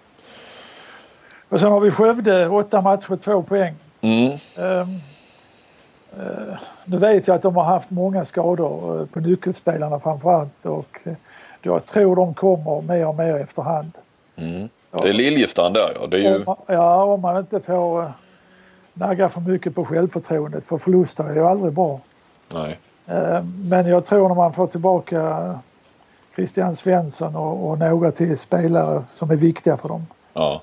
så kommer de ju också till, ha en chans att klara sig från kval. Men eh, ja, det, det blir tufft. Det blir en serie i serien här nere mellan de här fem lagen. Eh, men vad sa du Christian Svensson kommer tillbaka? Men han är väl med? Eller? Ja, men han har ju varit skadad rätt mycket de här i början. Jaha, ja, ja. Ja det har jag men nu, nu när jag såg Och han är så... vänster, vänsternian också som spelade i Alingsås. Ja, Stegefält ja. Stegefält. De har ju varit borta rätt mycket och det är ju viktiga spelare för dem. Mm, mm. Så att eh, jag har fortfarande tr- tro att eh, Skövde kan klara det. Men eh, det blir inget slutspel i år heller. Nej det blir det inte. Och så har vi Och drott. så, och så har vi drott på noll poäng. Eh, inte direkt överraskande men, eh, men kanske att man trodde de skulle ha någon poäng i alla fall. Ja. De har ju Eh, ändå jag, mött... jag, jag känner ju lite så att jag är lite rädd att det kan bli ett nytt H43. Med tanke på det sportsliga, med tanke på det ekonomiska. Mm. Ehm, så, så är det väl lite fara i luften där. Ja men det är det. det är, nej det är, det är kört i botten på många sätt. Ja. Soaniemi Så- hoppade av. Vad sa du? Ja, Ja. jag såg det. Jag såg det.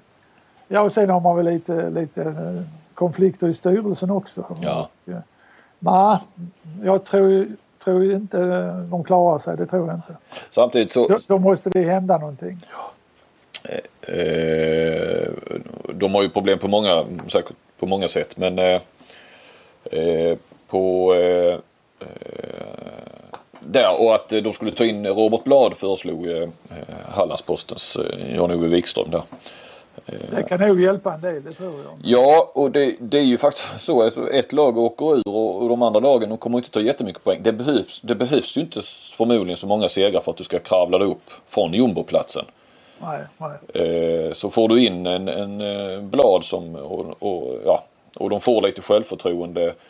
Det kan ju räcka med en fyra segrar någonting sånt nästan i, under resten av säsongen så, så är du kanske inte jumbo. Vinna rätt matcher, vinna, slå Skövde, Aranäs och Rico. Ja, ja, de har alla möjligheter fortfarande visst de det. Men Tendensen, tendensen är inte bra. Nej, nej i hela Med, klubben. med tanke på allt runt omkring.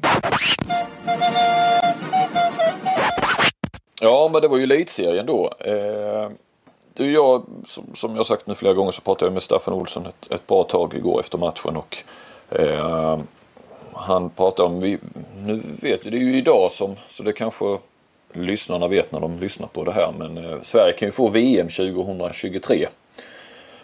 Hur gammal är jag då? Ja, det är då du, nej, det, då är det då du stycket skulle sitta och fiska. Det hoppas jag inte Ja, för då- stycket då- ska vara med. Då tittar vi inte på handboll. Eh, nej, vad har vi? Vi har åtta år eh, dit va? Ja. Sju är det väl, det är ju januari. 2023. Vi har ett EM 2020 och eh, ja, men Staffan har ju en stor tro på, på eh, landslaget på lite sikt. Eh, att man ska kunna komma tillbaka. Han menar att det finns, inte minst på 9 meter, några väldigt intressanta då naturligtvis med Lukas och Jim Gottfridsson och eh, ja vi har ju Jeppsson och Alfred Jönsson och, och Felix Klar och allt vad de heter. Eh, alla kommer inte att bli världsstjärnor men har man bara tillräckligt många där så ska Ja, vi det, det trasslar lite här nu med Ja så hör du? Ja, du försvinner hela tiden lite grann. Ja okej. Ja, det tror jag. Ja och så vet jag, när jag hade ju skrivit den här artikeln och pratat med Staffan så slog det mig bara när jag satt och körde bilen. Det är kanske också lite lättare för honom att säga det nu för han vet att han kommer inte att vara förbundskapten då. Eh, Han kommer inte att halshuggas om han skulle... nej, och det kommer han väl väl inte gjort. Alltså man kommer just, det kommer ju vara finnas 20 faktorer. Om det skulle, inte skulle bli så så finns det säkert mycket att skylla på om vi nu inom citationstecken. Eh, hur det ser ut om 6, 7, 8 år. Va? Det, eh, jag tror på honom när han säger att han har en stark tro. Men jag tror inte han har sagt likadant när han tillträdde. Eh, att om sex år så ska vi ta OS-guld. Eller om fem år ska vi ta OS-guld. Eh, eftersom han förhoppningsvis visste eller kände på sig att då är nog jag förbundskapten. Så det kan ju vara lite så också att det är lite lättare att säga det nu. Eh, precis som du säger så kommer han inte få ansvaret sen. Eh, men han, eh, då pratar vi lite ändå om, om lovande kullar och sådär och då kom han in på ett Norges 90, ja där 96 eller vad han sa. Eh, är riktigt lovande. Ja, alltså de har bra... Jag är väldigt med med 94 för flera av de spelarna är eh, viktiga spelare i det landslaget som spelar idag med Sagosen och, och en som heter Göran Johannesson som eh, spelar i Viking. Eh, var med igår och var kanske bästa spelare i Norge igår tyckte jag. Eh, och sen har man då Torbjörn som spelar i Lugi så det är, det är tre stycken från de här 94 som är med idag är viktiga spelare i laget. Ja. 96 ser väldigt bra ut och även 98 Så att eh, Norge har också stor tro på framtiden. Ja och han nämnde ju också att Danmark har ju, de har ju alltid kanske bra eh, kullar känns det som nästan. Eh, kommer ju fram, fram hela tiden. Eh, och sen har vi ju då naturligtvis Frankrike som har vunnit alla ungdomsmästerskapen i år va? Ja, ja. och är på den nivån som de är redan. Det kommer säkert att bli tufft att, vinna guld i framtiden. Men på tal om då hur lovande det ser ut på då ändå i Sverige, Norge och Danmark och, och lite av det Staffan var inne på så, så bad jag ju dig ta ut en, en startsjua eller första sjua med talanger. Med supertalanger Ja. i, från ja, Skandinavien hamnar vi på. Va? Ja, vi, vi var inne på säga- Island lite Kan men väl säga Norden egentligen. Men ja, därför att vi ser inte de här talangerna riktigt på Island. Nej och inte i Finland heller om vi nu ska vara. Nej, nej. Men eh, nej, att Island är eh, äldre spelare eh, finns inte Ja, riktigt. jag tittade på laguppställningen igår. Det- De har ju inga unga spelare i det här laget som, Nej. som spelar det här Golden League i alla fall. Men så, så sa du ju det också när vi pratade lite här innan att de har kanske en tendens att blomma ut lite senare Ja, islänningar. ofta, ofta har de ju det. De kommer ut i Europa, Tyskland och då blir de bra i regel. Mm. Och de har en härlig, oftast en härlig attityd också till träning och sådär. Och, och då blir man ju bra. Mm. Ja, absolut. Eh, ja, men vad, vad kom du fram till då med svenska, Ja. norrmän och danskar? Ska Ja. bli spännande att höra vad du... Ja, var, var ska vi börja? Ja, vi kan börja med att säga att de fick vara högst 21 år va? Ja, Så födda 94 som- ja. Och, och vi har med spelare födda 94, 95, 96. En också ja. Ja. Ja men börja bakifrån höll jag på. Mål. Eh, Ja, målvakt, eh, där tar vi med eh, en norrman, Torbjörn Bergerud, född 95, spelar i Lugi. Har gjort det bra där under den här säsongen. Ja, absolut. Spelade andra halvlek igår mot, mot Island och var okej. Espen Kristensson stod faktiskt första halvleken. Ja, de var okej båda två, utan att, att glänsa kan man säga. Ja, ja. Sen har vi på sex meter och där fick jag faktiskt lite hjälp på högersexan. Ja, Därför, därför att jag har ingen riktig koll på vad som finns i, i Danmark. Så jag pratade lite med Lasse Svahn, de ligger ju här också i Danmark på samma mm, hotell. Och han sa att de har en väldigt lovande eh, som heter Johan Hansen och spelar i Bjärringebro. Eh, född 94. och det är klart att det ska vara en dansk på kanten i och för sig. De, Ja, de nu, de kör ju vidare med, med Lasse Svahn nu och Hans Lindberg i A-landslaget. Men han, ligger, han knackar väl på dörren där bakom. Mm. Eh, och där finns ju kanske inte någon direkt i Sverige heller, nej det kommer vi ju fram till va? Nej jag hittar ingen i Sverige, jag hittar ingen direkt i, definitivt inte i Norge. Nej. Um, och sen har vi mittsex. Uh, det blir också en dansk spelare där som heter Hald och spelar i Aalborg. Mm. Uh, var med och spelade igår också mot Frankrike. Väldigt stor, lite orörlig kanske men uh, bra växt, spelar trea bakåt. Så att, och bra som sagt 21 år. Ja, han kom väl in istället för en av Toft Hansen bröderna va? Som, ja, stämmer, stämmer. Som är småskadad. Ja, de, de, de har ju fin tradition numera. Linjespelare också i Danmark ju. Det är väl ja. oerhört starkt. De har fått fram en hel del där. Mm. Eh, vänstersex. Där kommer första svensken med. Han heter Tolbring och spelar i Kristianstad. Född 95 tror jag. Ja, jo det är han. Ja. Uh, ja, jag säger inte emot det. Nej. Har ju varit uh, fantastisk i höst alltså. Ja, så kan vi ta högernia.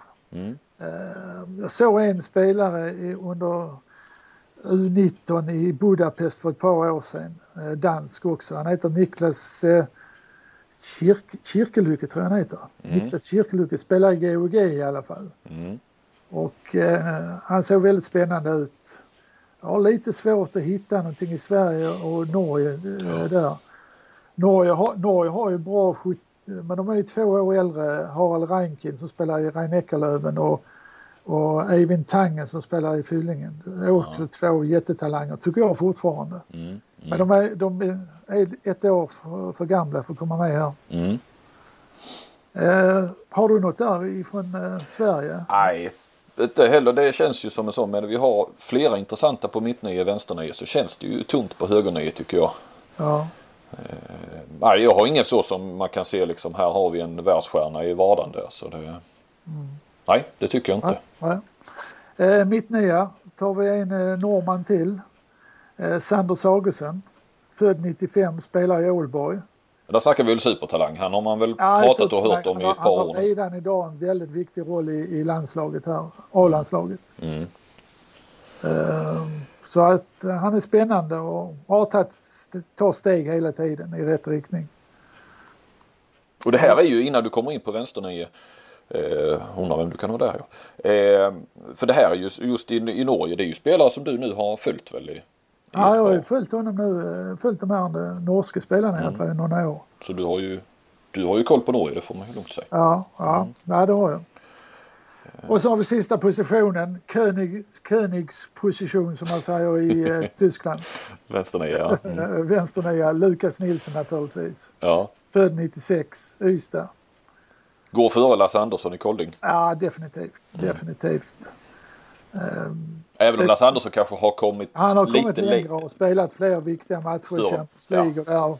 Där. Men, men om vi tittar ett par tre år framåt i tiden så kommer Lukas till att ha passerat honom. Ja och Lukas har inte fått chansen att spela Champions League egentligen. Utan... nej, nej. Uh, ja, nej. Det, det, är väl ett rätt lovande lag som en sju, åtta år så, så är det, skulle det lag kunna vinna Champions League kanske. Absolut. Ska vi erövra Sverige, eller eh, vad heter det, erövra Norge och Danmark också så vi blir ett land? Ja, det får vi göra. Vi går liksom Balkan fast tvärtom. Ja, ja. Istället för att splittras så slår vi ihop. Nej, sen kan det naturligtvis dyka upp andra spelare också nu under tiden. Ja. Eh, vissa utvecklas lite långsammare än vad andra gör. Mm. Och vissa, vissa får skador och allt sånt där. Det är mycket som spelar in. Vi... Men i dagsläget tycker jag det här ser ut som ett eh, spännande lag. Ja, absolut. Nej, där finns väl vissa positioner i Sverige tycker jag som man kan, nu pratar jag då, Staffan menar ju lite att det, det, som känns bra är att där vi kanske inte är lika lovande positioner som mittsex till exempel så är ju Andreas Nilsson om han nu inte åker på en massa fler hjärnskakningar eh, så är, håller han ju i många år till. Eh, ja, ja. Och, och, eh, och, så får vi hoppas på att han inte gör som Kim Ekdahl och Sjöstrand och de här att tacka för sig. Men han, jag vet, jag läste någonstans, han uttryckte jag tänker spela i landslaget tills de slänger ut mig. Så att, ja. eh, det får vi hoppas och att, att huvudet håller. Eh, men ja, målvaktssidan i Sverige bör, börjar vi se en, alltså vi har ju Appelgren.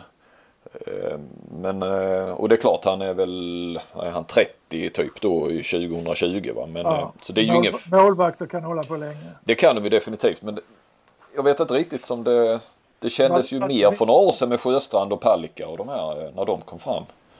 Eller? Ja, det, det... Jag vet inte riktigt vad som finns där på, på 96 och 98. Nej, nej. nej. Jag vet Det- inte, han i Ystad, heter han Myr eller vad heter han? Ja, ja.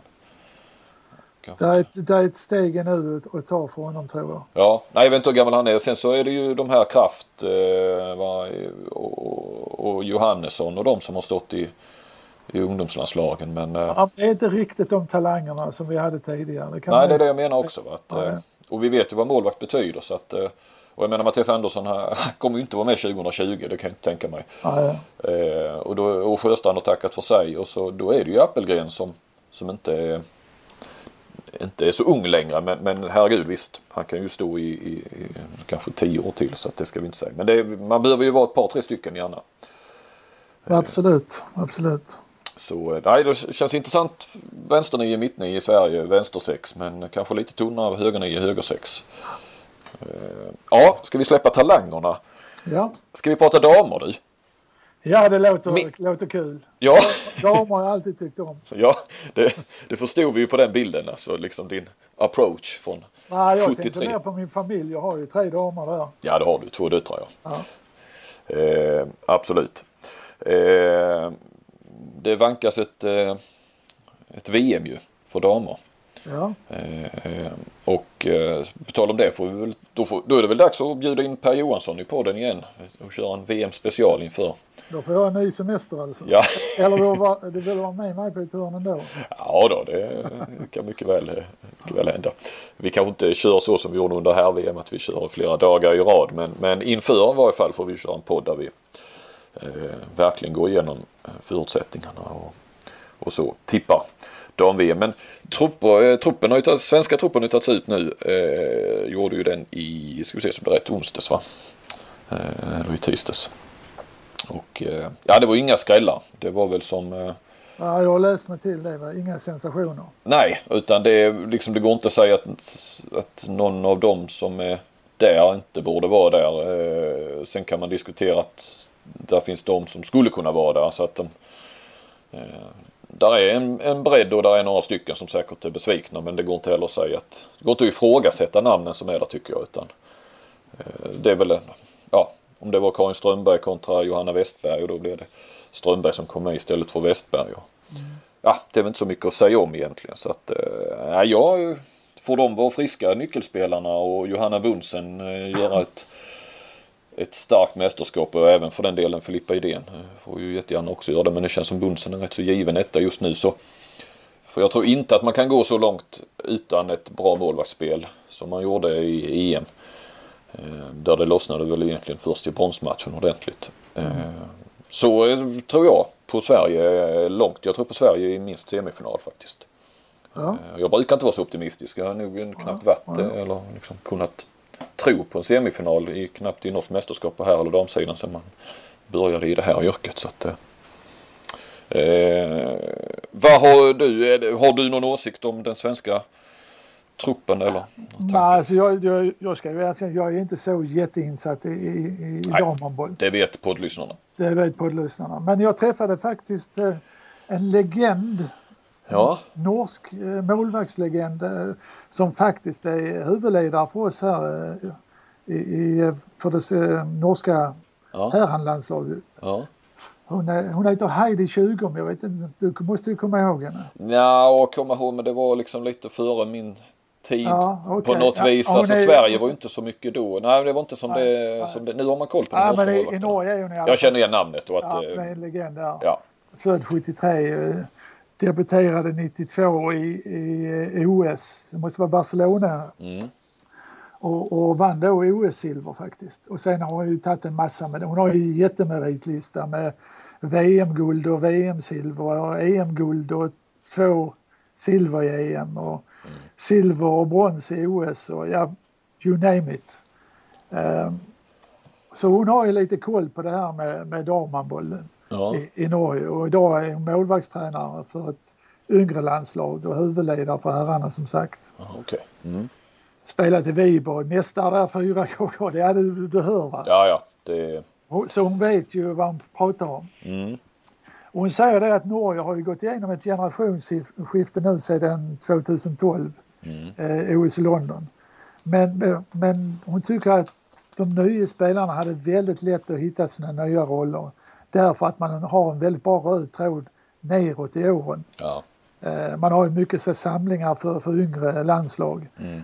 Och, och de slussas in tidigt. Ja, de slussas in tidigt och de vet vad det handlar om när de kommer till A-landslaget. Eh, så hon tror att Norge vinner sin grupp. Spanien blir svåraste motståndaren. Mm. Um, och de har ju alltid målsättningen att vinna guld, va? även om konkurrensen är, har blivit tuffare idag menar hon.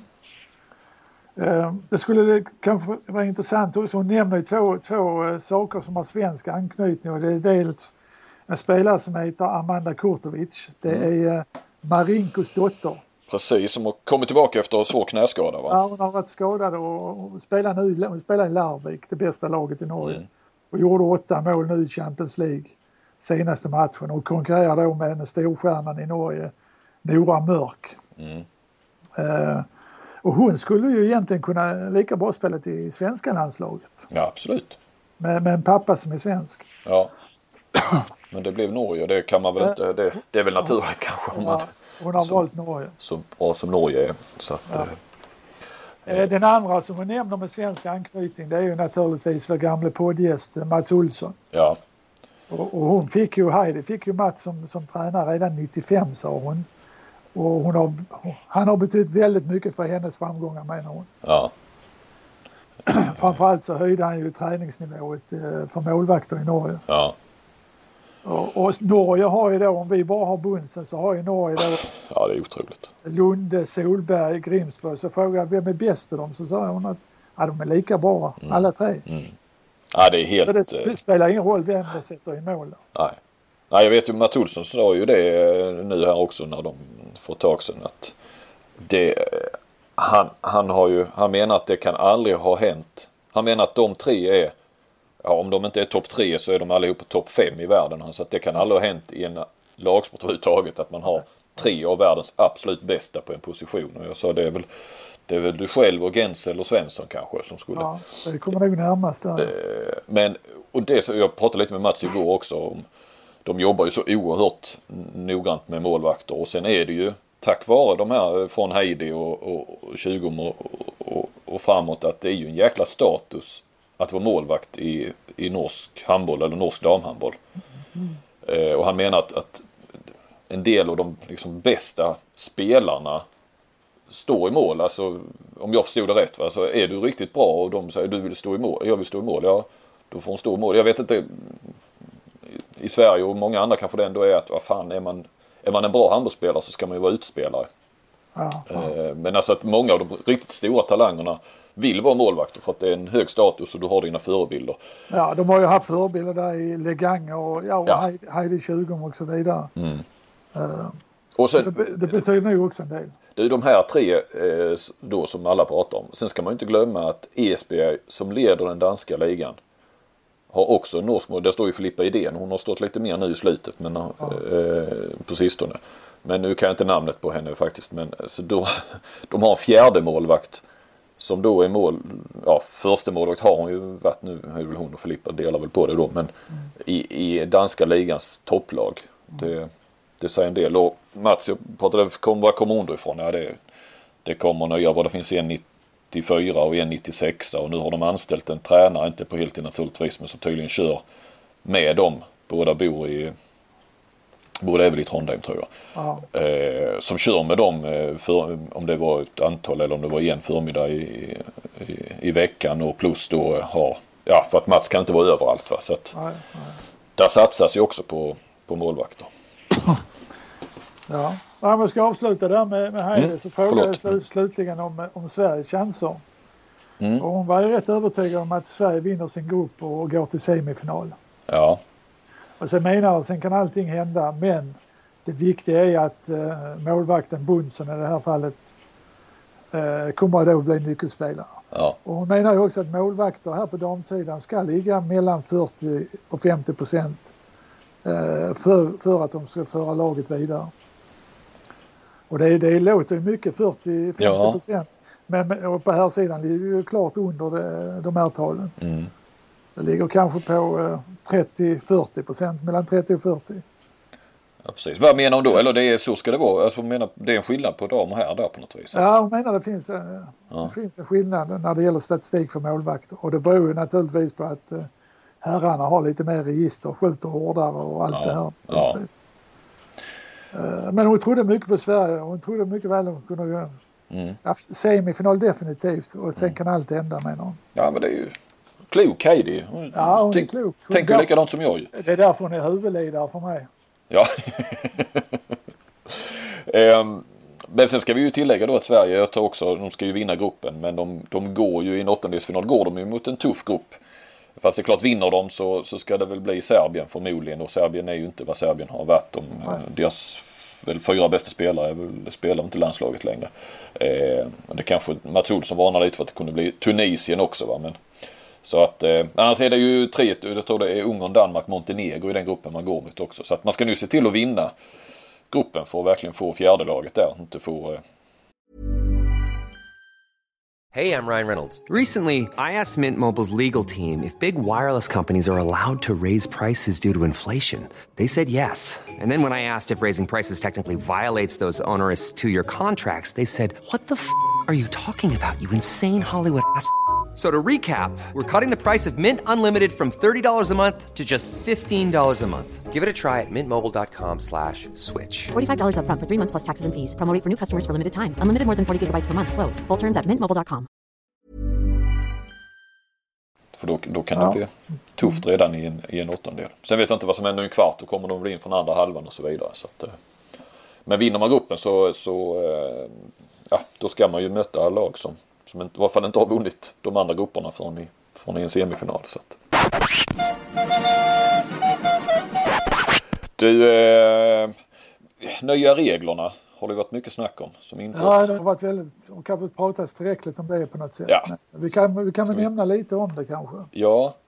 Eh, Jag, vad, jag hörde det här i Norge faktiskt att eh, nu inför dam-VM att det är inte riktigt bestämt att man ska köra det. Utan det ska vara en sån här eh, konferens i Sochi.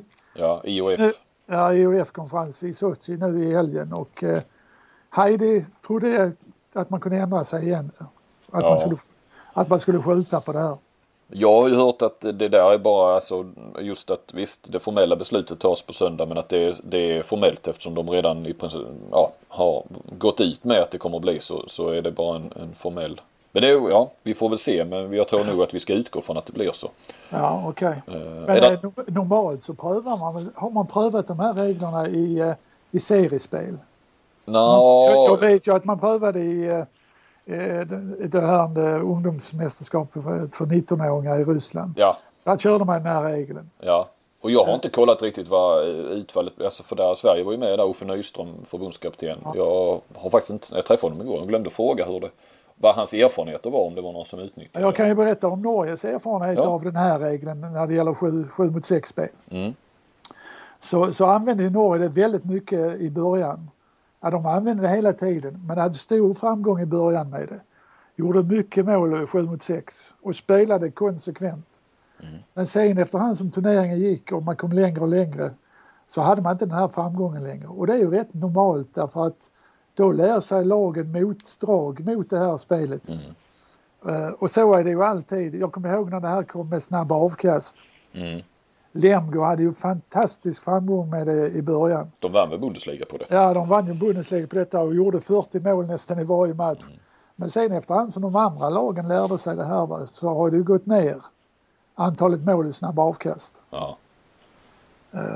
Ja, ja visst har du det. Så att, eh, Så, så, så att det får ju de konsekvenserna. Och sen är det ju alltid spännande med regeländringar. Men, men tränarna måste gå ur den här komfortzonen på något sätt och börja tänka nya banor. ja, för det, det, det blir ju, man slår ju bakut direkt. Eh, Ja, det gör man. Och så är det ju alltid med förändringar. Sen kan jag tycka fortfarande, och det skrev jag om, att, att, att komma ut med det en månad innan ett VM, det, det kan jag tycka är... Det, det där kunde de väl börjat med när säsongen Ja. började, eller liksom ja. landslagssäsongen började i varje fall. Men sen tycker jag generellt också det här. Jag gillar inte speciellt att titta på 6 mot 5 spel till exempel. Nej. Och jag tror inte jag kommer att gilla det här heller 7 mot 6. Nej, men vad, vad, vad vill de, vad är syftet? Jag menar, vadå, ska det bli fler mål i handboll? Jag menar det görs väl fler mål än någonsin. Det var ju sin Ja, sak om har ja. infört det på 50-talet när du, Ja, när eller du spelade eller- sig, när det slutade eller- 2-1 och sånt. Eller tycker man det är för svårt att göra mål i dagsläget? Ja, men det är, Man måste ha en extra anfallsspelare. Jag tycker inte det heller. nej. Eh, Så att jag, jag förstår inte riktigt heller. Men, men jag har inte fått det förklarat varför egentligen. Jag tänker bara vilka som kan utnyttja. Jag tänker, om man nu på den här månaden ger sig fan på att utveckla det till eh, liksom att maxa det. Ja. Ett sånt lag som till exempel Sydkorea som, som kan ligga i månader för att de, eh, de har tydligen en liga nu, jag pratade lite med det Mats Olsson som sa, de har en liga eh, numera. Innan har de bara haft sådana här universitetsserier. Eh, nu finns det en liga men den styrs ju helt av förbundet så att är det dags för ett mästerskap så säger de okej nu håller vi och så, ligger landslaget ihop i två, tre månader. De kan ju mycket väl nu eh, de kanske har liksom vetat att det här skulle bli så lite tidigare och sen ligger de en månad nu och, och eh, i varje fall kanske kan, kan ha utvecklat det till max i början av VM innan Ja, motdragen kom. Ja, jag bara tänker, jag menar Sverige och Norge och de här de, de har ju inte mycket tid och eh, det blir ju då eh, uppladdningen liksom någon vecka där innan VM som de kan slipa på det. Ja, jag vet inte. om Men den här regeln där med sista 30 sekunderna att det blir straff om man gör en regelvidrig handling där. Den gillar jag. Mm. Det är bara lite sent ute. Hade de haft den här regeln då när vi mötte Kiel en gång i tiden när Lövgren kastar sig över Johnny Jensen så hade vi varit tysk, tyska mästare en gång till. Ja, det var det som slutade med ett jätteslagsmål va? Ja, slutade med ett jätteslagsmål och, och Lövgren räddade mästerskapet till Kiel. Vilket, det var ju en bra taktisk handling. Men Ja. om vi hade haft den regeln då så hade vi varit tyska mästare så du vet det Lövgren. ja. Vad- Slogs du någonting eller då eller? Jag var inne och fightade som vanligt. Var du det? Nej, Nej. jag, jag stack ju snabbt i omklädningsrummet Ja, och gömde mig. Precis som på skolgården förr. ja. Eh, ja, den. Och sen är det ju den här då med passivt spel ska vi kanske också nämna som, som det också varit lite snack kring. Eh, Ja, och den är, den är också, den tror, tror jag också är rätt okej. För det blir ju inte så att, att, att man får, får passa till målvakten tillbaka och så vidare. Så Nej. det ju inte. Jag menar, att de kan Kort- fortfarande blåsa för passivt innan ja, ja, ja, kommer handen upp Ja. och man passar målvakten så vänder man ju spel. Ja. ja. Eller man börjar studsa med bollen bara. Och, nej, nej, det är ju inte bara de här sex passen som gäller. Nej. Ja men det är lite kul. Jag var väl också en av dem där direkt när det kommer så ska man liksom så läser man bara ja det är egentligen alltså det finns man, man ser ju inte det finstilta i reglerna på något Nej. vis. De nya reglerna utan så bara ha sex passningar så kan man göra Men så här. där, där gäller ju sund förnuft naturligtvis. Ja. Och spelförståelse där. Alltså jag tror den regeln kan vara okej också. Fan vad du är liksom du kan framåtsträva. Du är Ja, tror på gam- utveckling. På, på gamla dagar blir man ju det. Ja. Lätt nu när du inte själv är, När man står där. aktiv så ville man inte lämna den där komfortzonen. Nej, nej precis. Men eh, nej, det sätter som sagt var igång nya tankar hos tränarna. Mm. De måste börja bli kreativa igen. För det tycker jag inte man har varit de sista åren. Det är ju samma spel i anfallet och så vidare. Men då måste man tänka annorlunda. Är det inte så? Alla spelar kantövergångar, alla spelar den här rundgången. Eh, Alla kör det här Mm. joggespelet. Det händer ju inte så mycket anfallsmässigt. Nej. Ja, men då släng, släng in en jogge-Harry oftare tror jag. Ja, Jogge-Harry kommer att gå nu ju med 76. Nu har du liksom, ja, ja de som hä- hängde med när du förklarade den, det, alltså det här kommer ju bli det Ja, nya, de, de, nya kan, de kan återkomma på Twitter. Nej fan, jag har ju inte Twitter. Och de får sms. Det, det blir den nya gårtburken, alltså du kommer, uh, ja, Men då var det inte en regel till, men det vet jag inte. blå kortet, men den är väl, Ja, men det är bara akademiskt betalt. Det, det, det rör ju inte handbollsspelet som så. nej, var det någonting mer?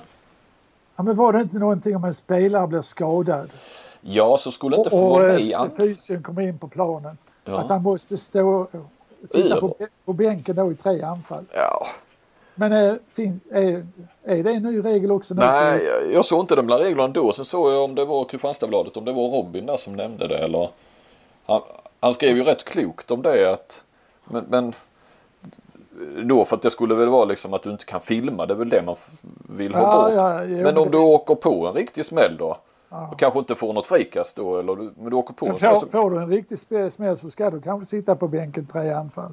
Ja, ja, jo, jo, men det kan ju också vara en smäll. Men, men man kan ju utnyttja det då också i slutet av matchen på den bästa spelaren. Och go golva honom så får Ja. han spela på trean. Det kan ju bli konsekvensen faktiskt. Ja, ja. Nej, som sagt, det är alltid lätt också innan det sätts i verket att se de här nästan konspiratoriska och sen så när det väl är igång så är det inte så stor skillnad. Va? Men, Nej. eh, om man nu ska vara en framåtsträv eller titta. Men, men, eh, nej, men jag håller med dig. Det, det, eh, ja, nej. Det, mm, ja, det, det blir ju intressant det hela. Verkligen. Eh, har du, eh, hur känns det nu? Du fick, du fick prata lite i slutet nu va? Ja, äntligen fick man igång. Ja, Fick du igång den gamle. ja det var inte, du var inte svårstartad. Eh, har du någonting mer?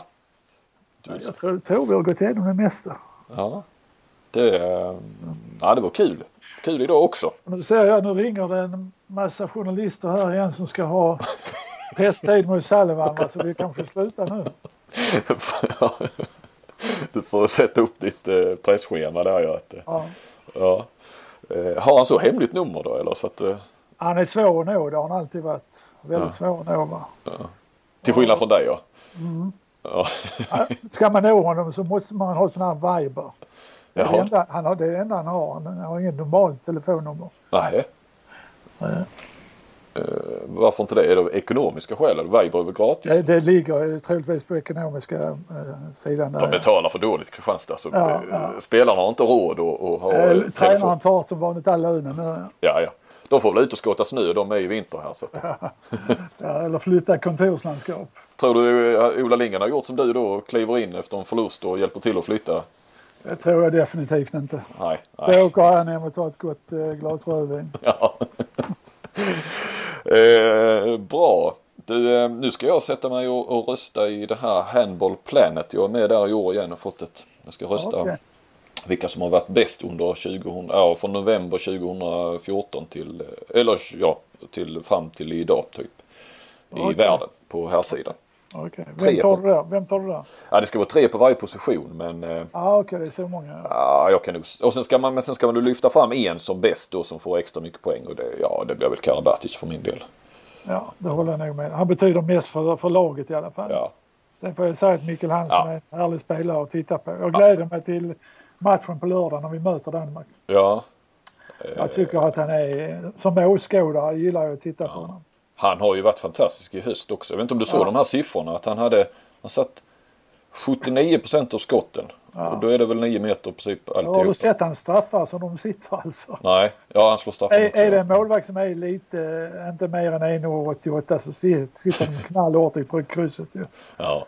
De har ju aldrig en chans att nå upp, hinna Nej. nå dit upp. Men jag tror han har snittat 10 mål något sånt i Champions League och franska ligan. Och franska ligan är ju ändå inte, det är ju inte, det är ju inte kroatiska ligan liksom utan det, där finns ju lite motstånd. Ja. Han är faktiskt en trevlig kille att prata med också. Väldigt Mm. ödmjuk och fin. Jag gillar honom. Lite som du.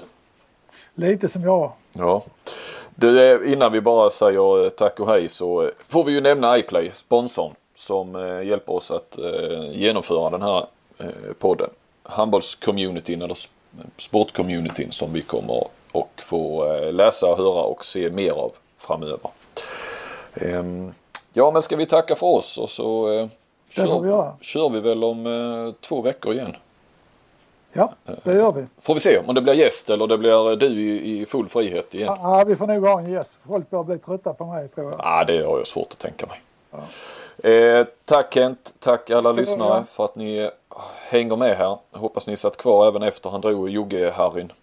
Eh, så eh, ses vi om två veckor igen. Okej. Tack och hej! hej.